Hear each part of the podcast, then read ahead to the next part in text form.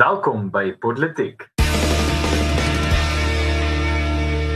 Ek is Daniel Elof en saam met my in die ateljee is Paul Marits en Erns van Sail. En in vandag se politieke episode, eis gaan dalk sit en Brackenfell sê hoe's dit. Kom ons ontdons in hierdie week se politiek en ons skop weer 'n lekker propvol episode af met waarskynlik die grootste suiwer politieke nuus van die afgelope week en dit is dat hierdie keer lyk dit asof Ysmagashule werklik gearresteer gaan word en dat ons nie weer deur daai hele spul daai storie gegaan het of gaan gaan as wat ons so 'n paar maande terug deur gegaan het nie maar om te sien of daar nou werklik iets daarvan af gekom is natuurlik 'n ander vraag. Ja, so ehm um, laat ek wegspring. Uh uiteindelik wat 'n paar goed het gebeur. Uh ek ek net 'n bietjie agtergrond gee. Dit is al lankal duidelik dat sedert kom ons sê in die Ysmagashule era in die Vrystaat, ehm um, het hy die departement van human settlements na bewering redelik gebruik as sy persoonlike spaarvarkie of tregter na sy persoonlike rekeninge toe. En dis baie dis 'n groot aanklag wat 'n mens maak. So ehm um, wat ek net 'n bietjie agtergrond gee. Wat hierdie human settlements gedoen het, was hulle was verantwoordelik vir nuwe behuisingsprojekte. En toe het daar 'n projek gekom wat gesê het, "Goed, ons moet die asbes uit die uh, huise se dakke uit verwyder en dit vervang." En hierdie projek is toe toegestaan aan 'n klomp besigheidsmense en hulle het al reeds uh, 230 miljoen rand ontvang en daar word nog vir hulle 25 miljoen rand verskuldig. So 255 miljoen. Dis hoe ons by hierdie bedrag kom en en ehm um, na bewering het die DA het 'n redelik volledige audit gedoen. Die DA aan die Vrystaat natuurlik ehm um, baie besig met hierdie spesifieke projek. Ehm um, en uh, volgens hulle is omtrent ek dink 21 miljoen rand se werk gedoen wat nie eers 10% is nie nie naaste by 10% is nie. En uh so uiteindelik dis dis kan ek sê die agtergrond, maar dis nie regtig die storie nie. Hiervan weet ons eintlik al vir 'n rukkie, uh die eerste 6 arrestasies is ek dink in Augustus gemaak en 'n sewende persoon het vrywillig na vore getree en so toe het ons op 'n punt gekom um wat ons uh ja, uh, waarom nou uiteindelik uh lasbriewe en goederes begin uitgereik is, maar die hele tyd is daar die vraag gevra maar wat van Ysmagashule want hy moes sekerlik betrokke gewees het. Um jy weet hy het hierdie oorsig gegee, die tenders is uitgereik uh onder sy departemente en uiteindelik is daar toe Dinsdag of gister um 'n lasbrief uitgereik vir sy arrestasie. Daar was nou nie hierdie groot wat hy genoem het die Hollywood moment wat hulle hom nou voor sy huis gaan arresteer het nie, maar hy het ingestem en hy verskyn nou na bewering of ten minste volgens die berigte wat ek in die hande kon kry Vrydagoggend uh voor die hof hieroor. Ons moenie te veel verwag nie. Um maar uh, jy weet heel moontlik gaan hy gaan hy dan net jy weet vrygelaat word om aan te gaan en of dalk word hy geïmpliseer in iets. Wat wel interessant is, ons moet onthou dat president Ramaphosa aan die einde van Augustus by 'n NEC vergadering of 'n NEK vergadering van die ANC gesê het dat hulle wat van korrupsie geïmpliseer word uh of beskuldig word, moet op sy skuif vir 'n oomblik en uh of of vir die tyd wat die ondersoek aan die gang is. En nou het dit gebeur en uh en tog vandag het die die ANC se top 6 uitgekom en sê nee Magashule gaan nie op op sy skuif nie. So weer eens sien ons dat die ANC nie hulle eie beloftes enigstens ernstig vat of hulle eie uh hulle eie woorde uh enigstens byhou nie. En um ja, so so dis miskien 'n agtergrond, miskien kan julle uh om daarso optel. Mm -hmm. Ja, wel my eerste vraag is net wanneer laas kan jy onthou het daar 'n hoë profiel ANC kop gerol weens korrupsie? Uh maar van my kant af uh, ek sal die Magashulia arrestasiebevel vier uh, as hy in werklikheid gearresteer word. Uh, en selfs dan sal ek uithou tot 'n werklike skuld uh, bevinding, uh, skuldig bevinding gedoen word. Uh want almal weet dat hy is skuldig. Ek bedoel dit is dit is so duidelik soos die uh, die son in die oggend opkom. Uh maar om 'n ware misdadiger te wees is nie genoeg uh, om 'n gevangenisstraf te kry nie, veral nie as jy vir die uh, ANC of die EFF 'n lid van is nie uh, of eintlik in 'n hoog op in daai partye is nie. So ek is regtig nie besig om te te juig en te jubel nie. Um ek dink hierdie is maar net weer teater van die ANC se kant af. Hulle wil kan wys vir die vir die wêreld maar ons vat korrupsie baie ernstig op. Uh maar ek dink regtig nie. Ek dink agter die skerms uh, lag Eis en Ramaphosa lekker saam. Hulle gaan teen vanaand miskien 'n uh, oor 'n dop daaroor gesels oor die foon, uh, miskien terwyl hulle hulle sigare rook.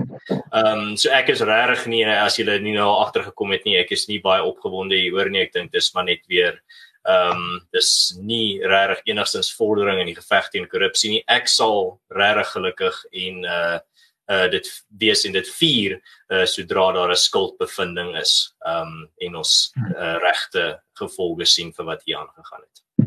Ja, en ek ek dink ons gaan ooit op daai punt kom waar daar skuldig bevinding gaan wees en ek bedoel, kom ons kyk net na die afgelope 26 jaar of dit die die neiging is van die ANC om hulle eie mense agter tralies toe te sluit en mense kan letterlik ek dink nie as jy volle een hand tel oor hoeveel kere wat hulle regtig aanspreeklikheid laat geskied het en en mense deur die strafregtelike proses laat gaan het nie.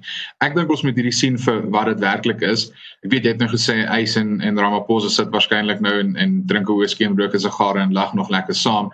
Ek dink wat hierdie eintlik is is dit is die die uitwerking of die uitvloei van die masterheid binne die ANC wat ons nou besig is om te sien. Ek dink dit is die spanning waar daar van die begin af tussen Magashule en Cyril was uh dit is die die faksie die faksionele stryd tussen die ANC wat nou hierso in die in die openbare domein oorspoel. En ek dink dis dis hoe ons dit moet sien. Ek ek dink wat op die ouene gaan gebeur is ek sê altyd vir mense hierdie is hierdie is soos om om poker te speel. Jy's nou net besig om solank jou hand so ver as moontlik te versterk sodat jy op die ou ende kan beding.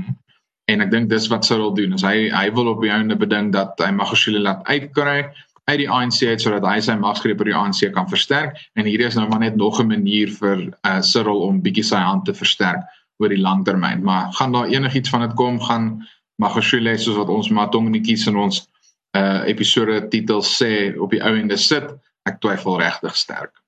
So okay, goed. Um kom ons ek ek dink ek weet politiek luisteraars het het sekere verwagtinge van ons. En ja, deel van ons gaan, weet, ons is geleerd en Daniel het onlangs sy MN gegee, Erns het onlangs sy MN gegee. Ek gaan hopelik binne Sommiges van ons is geleerd.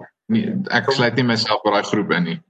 Ek ek tog ek tog regsgeleerdes verwys nie of na mekaar as my learned colleague. Ek weet nie wat sarkasties dan is. Ja, maar ek se regse geleerde. okay.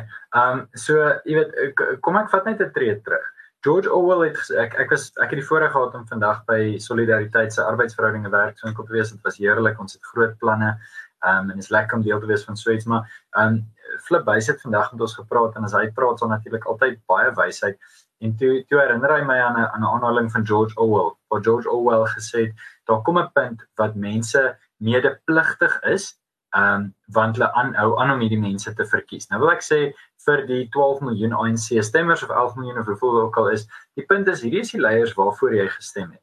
Um jy weet die die nasionale kongres wys mens wat 'n absolute klug dit is want hier's mense wat oor en oor en oor skuldig is. Ons maak 'n grappie en noem Ys Magashule Mr 10%.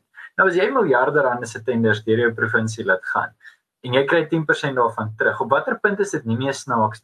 Ek wil eerlik wees en sê as hy by my gesteel het, dan sou ek gegaan het, okay. Hy's oor apartheid. Hy het een of ander verwronge idee van wat mense okay.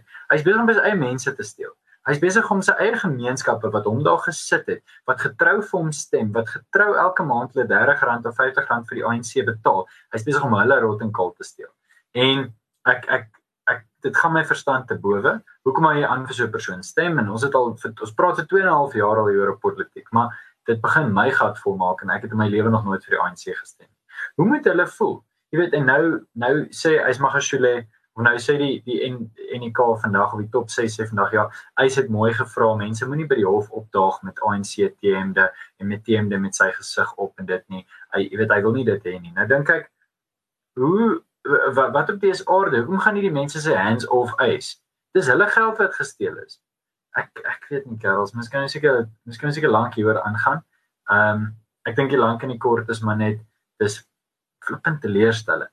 Um dis teleurstellend om te weet dat dat niks eintlik gebeur. Um ja, miskien ek nie nog verder. Dit dryf vir Paul tot sterk taal. Dis maar net dis maar dit, dit lyk so. Nee, ek ek ek stem 100% saam. Maar ek dink ek dink die punt is dit dit is iets wat ons aan gewoond is. Dit is iets wat tragies is en ongelukkig as as die as die Suid-Afrikaanse demokrasie nie op 'n manier aanspreeklikheid afdwing nie, gaan die ANC definitief nie ANC dit definitief nie op hulle eie doen nie. Al wie hulle behoorlik aan aanspreeklik hou is is die Suid-Afrikaanse kiezer oor die langtermyn. Ehm um, ek bedoel daar's daar's maniere om pleisters te plak daaroor en daar's organisasies wat regtig hard werk om tussenin en en en, en dit te probeer om dit uit te sorteer, maar mens kan ook net soveel doen. Maar uh gepraat van mense wat nou wel probeer om soveel te doen as wat hulle moontlik kan doen. Ons het gesien dat by Brackenfell het van die ouers van uh, Hoërskool Brackenfell wel gedoen wat hulle kon doen en ek dink hulle het dit heel suksesvol natuurlik reg gekry. Ek dink jy ons hoef te veel uit te brei oor die agtergrond. Ek dink die meeste van ons luisteraars weet presies wat het gebeur. Dit was 'n groot nuus storie in die afgelope week, maar vir dies wat nie weet nie in 'n netedop Uh daar was uh die, soos wat almal weet is baie van die skole se aktiwiteite weens die COVID pandemie afges, uh, afgeskaf of uitgestel of heeltemal afgestel.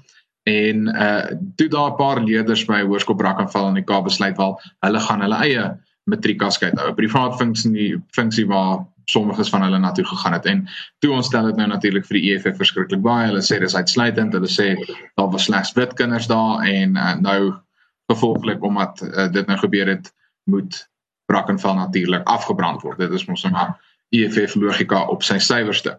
Maar die ouers van Brackenfell het dit toe nie net eenvoudig gevat vir wat dit was nie en hulle het besluit hulle gaan uh, wat ek dink eintlik maar reg is hulle skool beskerm en hulle kinders beskerm en daar's toe nou die die stryd van Brackenfell kyk daar was natuurlik Magersfontein daar was Majuba en dan is nou die nuutste slagveld in Suid-Afrikaanse geskiedenis die stryd van Brackenfell gewees en uh die ouers het hulle skool verdedig het hulle kinders verdedig en daar's net mense wat sê maar dit is vreeslik sleg want jy moenie jy moenie met geweld so optree nie en uh dis nie gepas in hierdie tyd nie. Maar wat my nog meer interessant is is die storie self is die reaksie van verskeie mense.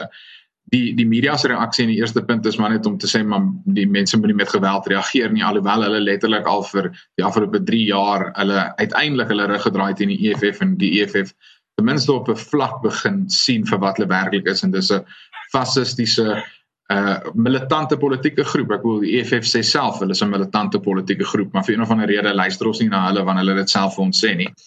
Maar nog beter vir my was die DA se reaksie, maar die DA het gesê wel die EFF is eintlik maar net soos die die breinhemde in in Nazi Duitsland ons eie fasistiese groep en en ek ek hou van daai ruggraat wat ek van die DA sien. Dis die DA waarvan ek hou en is 'n DA vir wat ek dink meer Suid-Afrikaners se kies uh, se stemme gaan terugkry as hulle so aanhou. So ja, alles uh in ag geneem dink ek was dit baie interessante nuus gebeur en dis 'n nuus gebeur wat ek dink baie sê oor die temperatuur van Suid-Afrika en waar ons staan en ehm um, soos ek op Twitter hierdie week uitgewys het, dink ek it's okay to punch a Nazi as as dit nou maar is wat dit gaan vat om hierdie regte gevaarlike groep op hulle plek te sit, dan is dit nou maar ongelukkig wat moet gebeur. So ehm um, vir my lê dit op uh kan ek sê bietjie kom ons zoom 'n bietjie uit, né? Nee? So ons kyk 'n bietjie groter oor hierdie ding. As hierdie tipe ding sou gebeur in 2004, 10 jaar in demokrasie in, sou dit skokgolwe deur die land gestuur het. Ek sê nou vir julle. Uh jy eksklusief mense van een rasgroep wat bots met 'n groep van gemengde ras. Uh jy twee botsende politieke ideologieë. Ehm um, en jy sou dit sou skokgolwe deur die land en deur die wêreld gestuur het. Kyk na Suid-Afrika 10 jaar in hierdie is verskriklik. Ons sou daai tipe narratief gehad het. Maar na mate en nou nou hang dit seker af waar jy agentskap sit, nee, mens kan sê na mate die nasionale demokratiese revolusie ontvou van 2014 af miskien het die ANC besluit om meer radikaal te wees, die opkoms van die EFF dink ek almal het lank voor die EFF is al gesê ja, maar daar daar's ruimte vir 'n rooier party links van die ANC en dis meer. So die punt is hoe dit vir my is eerder is dis 'n ontvouing van iets. En ehm um, dis ek ek dink eerlikwaar en en ons het dit al baie gesê, ek dink die EFF het baie sterker bande met die ANC as wat ons dink. Ek dink die ANC hou hulle in 'n mate aan die lewe. Het sy nie noodwendig fisies met met finansiële bydraes nie, dink ek die ANC um skep ruimte vir die EFF en sal ook vir die EFF sê, hoor hierso gaan staak daar in in Senekal, jy weet by die hof wat ek al hulle saam partytjies, hulle saam by groot funksies. Hulle is deel van die Tito het uh, net uh, so 'n week terug of so het Tito Mboweni 'n foto ge, op sosiale media geplaas waar hy en uh, Floyd Shivambu lekker aandete geniet saam. Presies. So hulle is, jy weet, hulle hulle daai dis deel van dieselfde breë ideologiese raamwerk en met die EFF wil hê is die nasionale demokratiese revolusie op fast forward mal 2 en die ANC wil hom net gewone spoed laat uitspeel, maar uiteindelik is hulle op pad in presies dieselfde rigting. So ek ek dink die ANC sal tipies eh, kommunikeer en sê hoor die die ANC is hierdie is Mandela legacy. Ons kan nie regtig gaan staak by plaasmoorde nie, maar julle ouens kan gaan doen dit. En ehm um, so jy weet dis dis definitief die dieselfde nasionale demokratiese revolusie wat ontvou. En wat baie interessant is wat mense moet onthou wat John Steenhuisen sal weet met Helen Zille sal weet is dat die ANC self in in hulle strategy and tactics dokument sê dat jy moet kyk waar die vlakke van weerstand is. So ons het dit geweet as studente, ons het geweet as daar 'n ANC optog is, dan maak jy seker dat daar, jy weet, klomp ouens van ander groepe is en en dat jy nie vir die ouens toelaat om jou te oorheers nie, want dan dink hulle daar's nie weerstand nie en raak hulle meer en meer radikaal. Ehm um, en so as jy wys daar's weerstand, dan tree hulle terug en hulle wag vir die magsbalans om op 'n meer organiese manier te verander of wat ook al. Die punt is ek dink hulle toetsie waters. Hier wat in Brackenfell gebeur het, is hulle pas druk toe. Gaan kykie goed waaroor hulle praat. Hulle sê daar was vir 26 jaar nie 'n wit onderwyser, 'n swart onderwyser nie of sulke tipe goeters. Dit weet hulle al die jare. Dit was 6 jaar terug ook so. Dit was 5 jaar terug ook so. Toe hulle die rooi standbeeld laat val.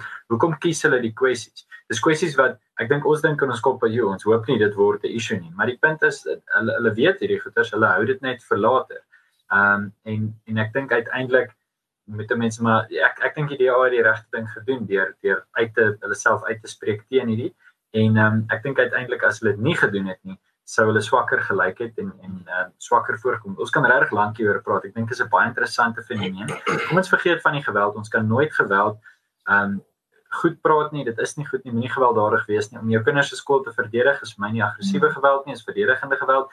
En daarmee as iemand fisies by jou kinders se hek gaan staan is dit een ding. Maar Daniel, ek sien jy skud jou kop. Ek wil hê trek 'n vergelyking tussen Afriforum by Hoërskool Oeverval en die ouers by Brackenfell. Daar's een ding om 'n ketting te maak voor 'n skool se hek met elmbo intaak en te sê, hmm. hierdie is my kinders. Jy gaan nie naby hulle kom nie. Um as jy naby as jy hier 'n streep in die sand. Dis daar is 'n verskil tussen dit en iemand in die straat hmm. afjaag daar is 'n verskil. Ehm um, ja, dit dit is so, dit is so. Ehm um, maar jy weet ek verstaan ook frustrasie, ek verstaan kooppunt. Ek wil nie praat oor die aard van geweld nie. Ek wil praat oor hierdie is 'n baie duidelike punt in die ontvang van die nasionale demokratiese revolusie en ek dink die DA het goeie weerstand gebied en vir hulle self tyd gewen. Ehm um, die vraag is of hulle tyd gaan gebruik. Ja. Die interessante ding van die DA is ek dink jy kan nie regtig ignoreer die uh, absolute vernedering wat hulle in Swazerynike uh, ervaar het uh, laas jaar nie uh, ek dink of was dit tussen 2018 of nee 2018 dink ek wat dit Swazerynike was. Ehm um, maar ja, ek dink nie jy kan dit ignoreer. Ek dink dis nog vars in die geheue van die DA. Ek dink dit het hulle baie seer gemaak en ek dink hierdie is half hulle uh, nuwe rigting waarna hulle gaan in terme van dit. Ehm um, daar was definitief 'n paar 2019 verkiesing 2019 ja ja. Uh daar was 'n paar tuisgebakte klappe daar in Brackenfell uitgedeel en ek dink dit is uh soos jy sê daar Paul dit gaan oor die kinders. Ehm um, dit is my ek het vandag 'n interessante gesprek gehad met ehm um, Herman Roos, uh, tabakboer hier van die noorde af en hy het nogal 'n interessante punt gemaak van waar hy gesê het mense vra hoekom is dit die moord van Bre op Brendan Horner uh so groot impak gehad en hoekom het almal toe bymekaar gekom en hoekom het uh, Brackenfell nou weer daai selfde energie rondom dit.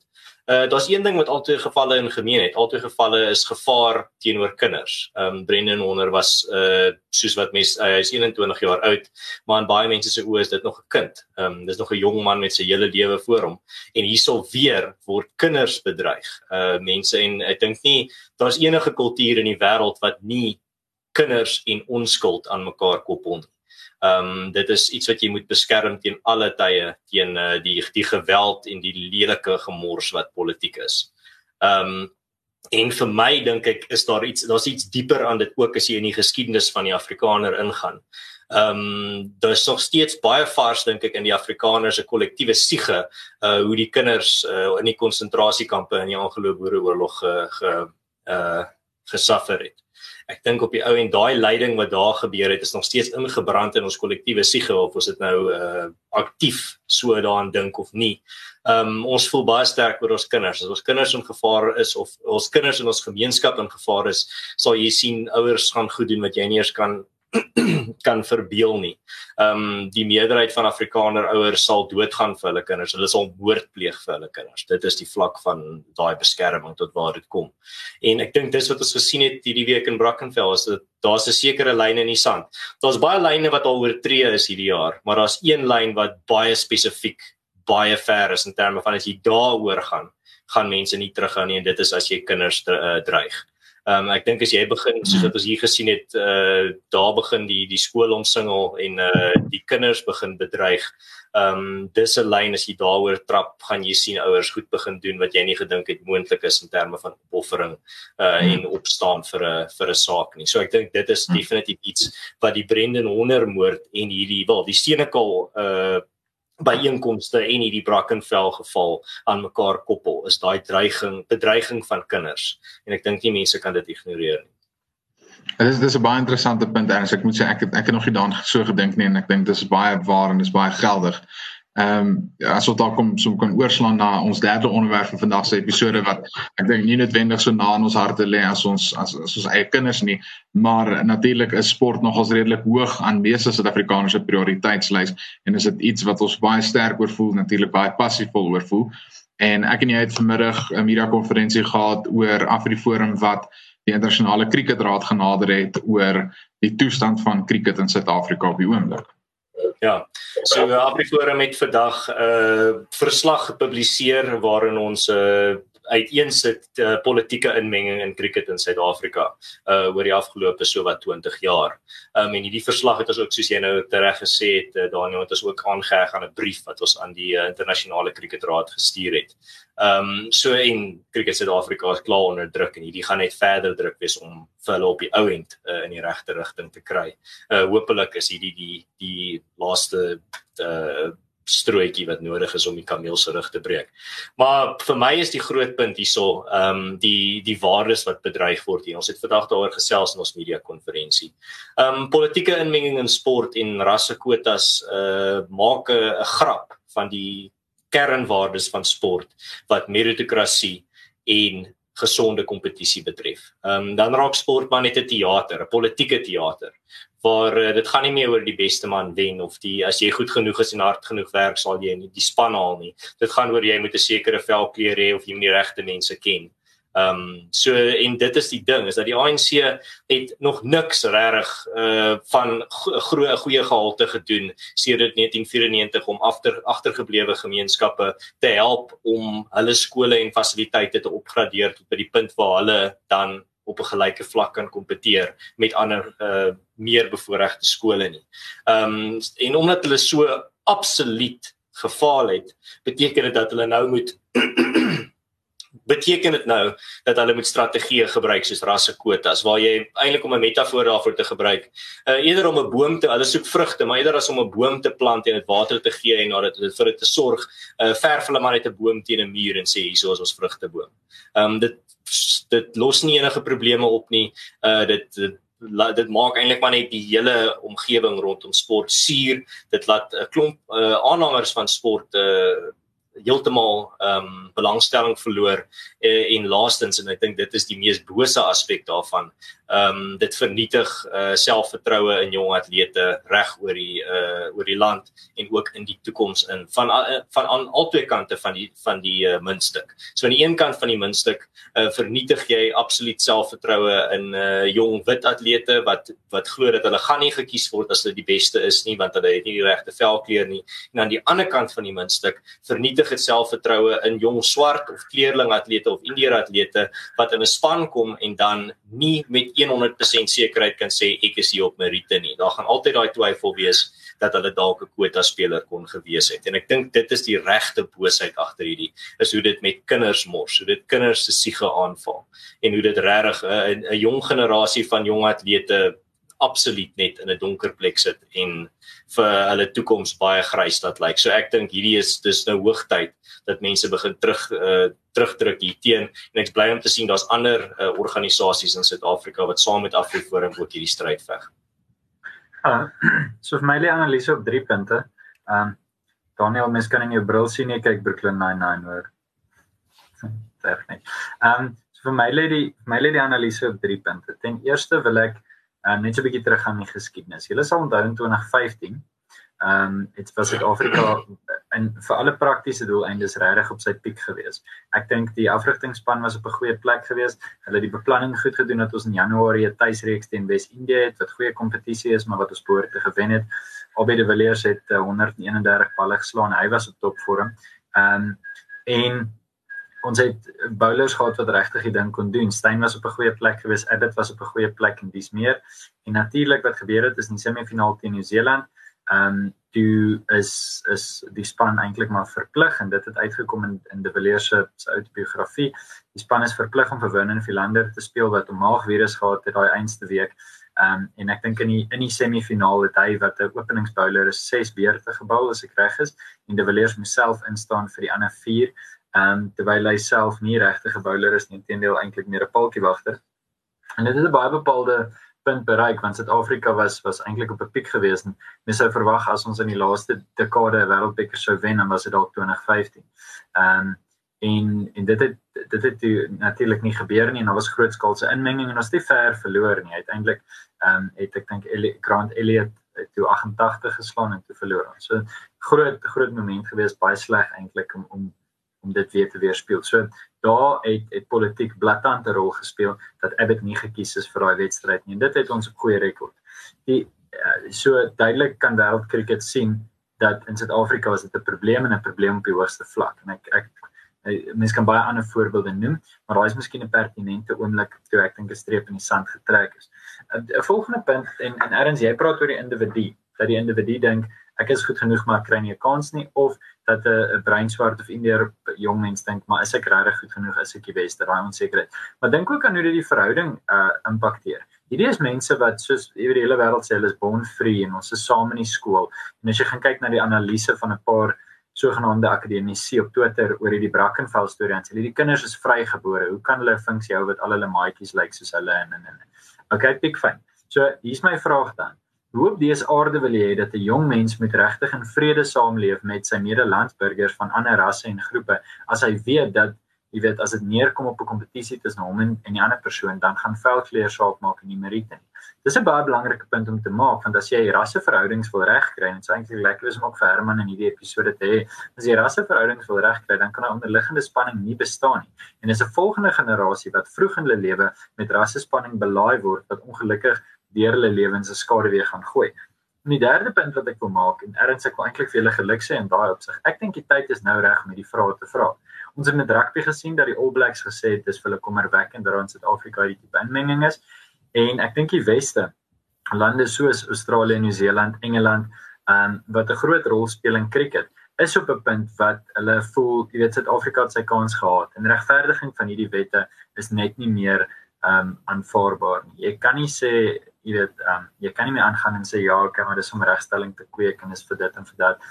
Ehm um, uiteindelik moes jy dit op die grondvlak gedoen het en ek dink die wêreld se geduld met sit met sport in Suid-Afrika raak min. Ehm um, verder as dit kan jy nie sê dat dieselfde stelsel wat vir jou Kagiso Rabada kan produseer, kan nie vir jou ander spelers produseer nie. So eers lê daar 'n fout. Ehm um, jy weet hoekom nou kan mens praat oor momentum en dis meer. So maar die drie punte is my belangrik. Ek dink ons streep in die sand getrek. Ek dink ehm um, dit gaan dit gaan verdeling bring onder onder die volgende generasie en dis vir my die, die kernpunt waarop hierdie ding geskwee is. En dan verder as dit dink ek nou is juist die tyd om druk op Cricket Suid-Afrika te sit en druk van buite af. Ek ek wil nou nie te reg tegnies raak nie, maar net met die die drie punte waarop of die pilare waar die klagte steun is eerstens dat Cricket Suid-Afrika val in hulle taak om 'n uh, nie rassigheid te onderhou. Hulle val in 'n taak om regeringsinmenging in die sport uh te, te verhoed en dan derhalwe eh, lei die ontwikkeling van cricket in Suid-Afrika ongelooflik baie. Dis dis as gevolg van hierdie goed dat ons nie behoorlike transformasie sien en dat ons nie natuurlike transformasie binne die die sport sien nie. Al wat ons sien is hierdie kunsmatige fasade wat die ANC probeer kweek om te laat lyk asof daar transformasie binne die sport is. En en die probleem met die eerste twee punte, die punt oor nie rassigheid en regeringsinmenging is dit kan ongelukkig nie half gebeur nie. Verstaan, nie rassigheid is soos om swanger te wees. Jy is of swanger of jy's nie. Jy's of nie rassig of jy's jy is rassig. Daar's nie iets tussenin nie. Jy kan nie soort van nie rassig wees nie. En dieselfde geld vir regeringsinmenging. Daar's nie daar's nie skakerings van regeringsinmenging of die regering is is besig om in te meng in sport in Suid-Afrika en dis onaanvaarbaar of hulle is nie. En en dis die probleem waarmee Cricket Suid-Afrika sit en eintlik nie net Cricket Suid-Afrika nie, maar so baie nasionale sportliggame in Suid-Afrika. Dis ons sien dieselfde gebeur in netbal, ons sien dieselfde gebeur in rugby, ons sien dieselfde gebeur in ons atletiek. Ehm um, en en die die wat vir my altyd so ironies is hiervan is Suid-Afrika het nog nooit uit hierdie lesse uitgeleer nie. Die ANC met soveel goed het hulle net eenvoudig nie het ons geskiedenis uitgeleer nie. Ons het 'n tyd gehad waar die regering ingemeng het met met sport en bepaal het wie mag aan sport en sekere spanne deelneem of nie. Dit het nie vir ons goed uitgedraai nie. En dieselfde gebeur nou maar hulle herhaal dit nou net. Dit is nou net die teenkant van dieselfde muntstuk en en uh, dit beweeg in 'n ander rigting in. Uh, en en dit lyk my nie die ANC is besig om jy te leer nie en ek dink al wat dit gaan regkry is wanneer die internasionale druk suksesvol uh toegepas word en ek ek dink dit gaan dalk werk. Ek dink Paul jy's reg. Die tyd tyd is dalk nou net presies reg vir uh verskeie organisasies om 'n verandering in die sport teweeg te bring. En ons hou duime vas en ons hoop dat dit natuurlik wel die geval sal wees.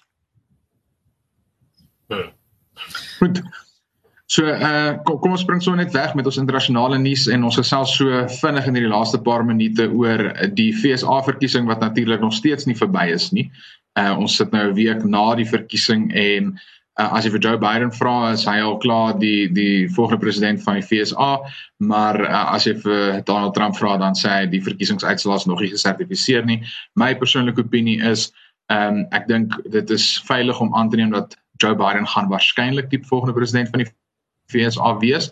Maar die punt is die proses is regtig nog nie klaar nie. Daar's nog baie ander uh, daar's hofsaake wat nog gaan uh, aangaan. Daar's uh, van die state waar hulle gaan weer moet oortel omdat dit heeltemal te naby was en en hulle dis gaan al die stemme weer moet intel. En volgens my is hierdie eintlik 'n teken van hoe gesond die konstitusionele raamwerk en en samestelling van Amerika is. Ek bedoel die punt of die feit dat jy verkiesingsuitslae in die hof kan gaan uitdaag en dat jy weer kan vra dat hulle al die stemme moet oortel. Dit vir my op 'n gesonde demokrasie. Maar as jy van die hoofstroom media gaan luister, is dit letterlik glo hulle die feit dat Donald Trump weier om te erken dat die verkiesing al verby is is die grootste ewel sedert uh, Hitler in in in mag gekom het in Duitsland. En ek wil dis absolute oorreaksie. Daar's geen rede vir Donald Trump om nou al te erken dat hy die verkiesing verloor nie, want die punt is die verkiesing is nog nie verby nie. En dit regtig dis dis vir my so eenvoudig soos dit. Ehm um, en en die ander ding wat ons net moet onthou, hierdie is nie die eerste keer wat hierdie gebeur het nie. In 2000 het dit omtrent 3 weke gevat. Wel, nee, nog langer, maar tot voordat hulle uiteindelik uitsluitsel gekry het oor wie daai verkiesing gewen het. Dit is die aard van politiek, dis die aard van Amerikaanse politiek.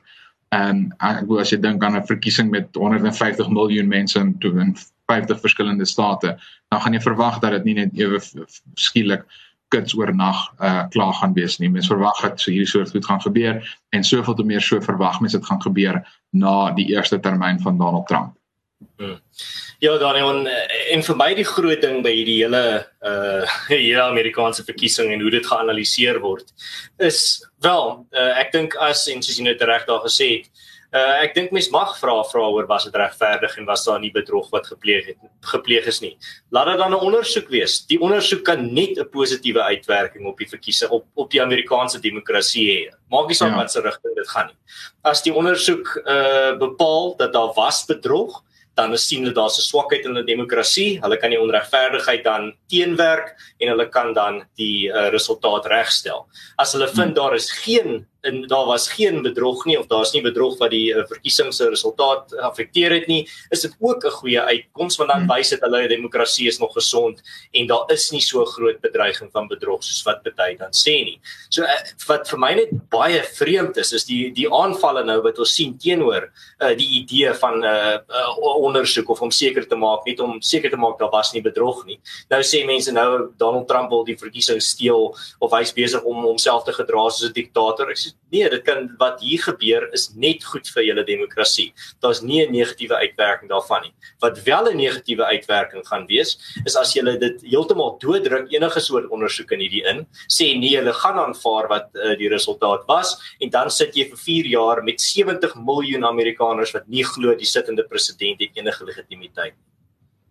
So, ehm um, vir my ek ja, ek wil vinnig analiseer hier doen op 'n paar punte. Ek dink julle twee het um, en en ouens wat julle op sosiale media volg kan sien julle hou julle baie besig om te lees hieroor. Daar's 'n paar praktiese punte om te oorweeg. So natuurlik Arizona, Pennsylvania, baie vrae waaroor gevra Georgia. Die state is baie naby en in baie gevalle is hierdie uitslaa nog nie heeltemal bekend nie. Wat heel dikwels gebeur in elk geval is dat die verlorende president op 'n punt kom en sê, "Goed, dit kom voor asof ek gaan verloor" en dan concede voordat die finale totale noodwendig uit is. Um, en en ek dink baie mense het verwag van Trump om dit te doen en natuurlik het hy volgens hom goeie redes gehad om dit nie te doen nie en ek dink daaroor het hulle voldoende uitgebrei wat wat vir my wel interessant is en ek wil amper sê kommerwekkend is is as 'n mens die inzoom op die op die state gaan doen en en dit nogals op dit gespesialiseer. Dan kyk 'n mens byvoorbeeld na Pennsylvania, 'n staat wat hy lê so soos 'n reghoekige blokkie wat plat lê. Hy het vier stede en hulle vier is blou, potblou. en hy het landelike gebiede en dis bloedrooi. Daai 'n land wat massiewe verdeling ervaar en ehm um, of dit Biden of Trump gaan wees, irrelevant. Kyk, ek dink mense met 'n meer konservatiewe beskouing en en ek dink baie Afrikaners dink jy weet Trump gaan opstaan vir plaasmoorde en hy is pro wapens en dit ja, ek verstaan dit. Ek verstaan die sentimente en ek verstaan die assosiasie, maar moenie dink dat hy, jy weet, die redding is en die die redder op 'n wit perd is nie. En na die ander kant toe, alsou Biden verkies word, jy weet, dan miskien gaan hy dan 'n bietjie meer ernstig voel daaroor om jy weet op te staan vir jou eie waardes en dis meer, maar moet ook nie dink dat die hele wêreld nou mekaar gaan val as jy 'n Trump ondersteuner was nie en vice versa. As jy as jy dink Biden is 'n beter kandidaat, goed, dik fyn, maar moet ek nie dink Biden gaan jy weet hierdie massiewe redding bring nie. Ek dink ongelukkig dit is so dat Biden 'n sosialistiese invloed het, nie net wenig self nie, maar baie van die mense in sy administrasie en as hy belastings gaan terugsit op Obama vlakke, dan gaan dit 'n impak op die Amerikaanse ekonomie noodwendig op die Suid-Afrikaanse ekonomie hê. Hiermee moet ons vrede maak die belangrikste punt is wel ehm um, dat eh uh, die die belangrikste punt is wel dat daar massiewe verdeling in die FSA is en uh, mense kan gaan kyk na daar's 'n klomp matrikse wat dit aandui maar die verdeling tussen republikeins en demokraties is groter as in 'n lang tyd. Dit sal ingespreek moet word en ehm um, wie ook al uiteindelik die president is, Daniel soos jy sê dalk is dit Biden.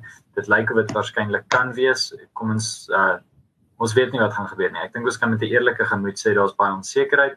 En um, dit kan wees dat uiteindelik vind kry hy hofbevel wat sê dat die posstemstelsel te onseker is. Kom ons roep 'n nasionale vakansiedag uit na nou 'n hele nuwe oorstemming. Dis nie onmoontlik nie, seker goed gebeur. Ek twyfel wel. Uh, hulle gaan probeer om die ding te beredder in sover as wat hy is. En kom ons sê dit bevoordeel Biden. Uiteindelik ehm um, gaan daai land homself moet vind. Uh en hoe hy dit gaan doen, weet ek nie de um, van die die verdeling raak duidelik. Ek dink nie die demokrate is almal so sterk agter Biden nie. Ek dink baie van hulle is eerder teen Trump. Waar ek en en selfs aan die ander kant. Ek weet nie of soveel van die republikeine noodwendig agter Trump is nie. Hulle is dalk net teen Biden teen sosialisme. Ehm um, maar ek dink tog Trump het 'n groot hoeveelheid ondersteuning en dit gaan dit gaan aanvaar moet word. Mens kan nie net daai sentiment ignoreer nie. Nou ja, ek kan lank hieroor praat, maar ek dink oorhoofs wat ook al in Amerika gebeur as hulle hulle posisie in die wêreld wil behou van 'n uh, kulturele invloed, ekonomiese invloed, dan gaan hulle dan gaan hulle eie huis in orde moet kry. Ek het net twee uh afsluitende gedagtes. Die eerste een is Amerika is baie meer robuus en sterk as wat ek dink Amerika self uh vir hulle erken. Amerika het al presidente wat deur die kop geskiet is. Hulle het al uh impeachments gehad. Ek bedoel, daar het al so baie gebeur. Nixon, Kennedy, uh uh ek bedoel Lyndon B. Johnson daar was al so baie goed wat in daai land gebeur het en elke keer kom hulle fyn aan die ander kant uit. En ek dink ons moet dit net besef gemoedere loop nou hoog maar dit is soos wat jy sê Paulus nie die einde van die wêreld nie. Die tweede ding wat ek net mee dalk wil afsluit is ek het so net 'n dag of twee nadat dit toe nou duidelik geword het dat net toe toe Biden toe nou voorspel word dat hy gaan ehm um, Pennsylvania wen en Michigan en en Iowa toe nou redelik goed in sy guns het ek gesê ons moet nie heeltemal die moontlikheid uitsluit dat Donald Trump in 2024 weer kan staan nie dat hy nou die volgende 4 jaar kan speel van die kantlyn af net te skree op die demokrate en vir hulle te sê wat hulle verkeerd doen nie. Ehm um, dit kan 100% gebeur en uh, ons moet net in gedagte hou in die tyd wat dit 2024 is dan is Donald Trump nog steeds jonger as wat Joe Biden nou is op die oomblik. So dit kan heeltemal dink ek moontlik wees dat hy besluit om in 2024 weer te staan en dan gaan dit 'n vreeslik interessante 4 jaar wees in die opbou tot daardie verkiesing. Nou ja, teen daai tyd praat dok, dokter Elof en dokter van Sail dalk met ons. Uh so in elk geval uh, ons, ons sal kyk hoe loop die dinge dan. Nou ja, kom ons sluit hierdie episode af. Se sonskyn in Pretoria is hierdie episode vir eers aan 'n einde. Dis nie wat hier bly sal sien as nou nog 'n reentjie op pad. Nou ons nooi jou as luisteraar uit homself ek ton nonsens vir die gesprek voor te sit in die kommentaarafdeling van watter ook al platform jy gebruik. Dankie ook vir ons lewendige kykers wat uh, vir ons geduldig opmerkings maak en deel is van die gesprek. En uh, maak gerus kontak met ons as jy nader wil kom aan politiek, as jy wil bemark ons program of as jy uh, saam met ons wil werk. Ondersteun ons gerus baie meer koffie en op Patreon. Ehm um, dan kan ons uh, beter kameras hê. Jy sal sien ek het 'n bietjie beter kamera vandag. Dankie Daniel vir jou moeite met daai ene. En uh, ja, dan uh, gesels ons volgende week saam op politiek.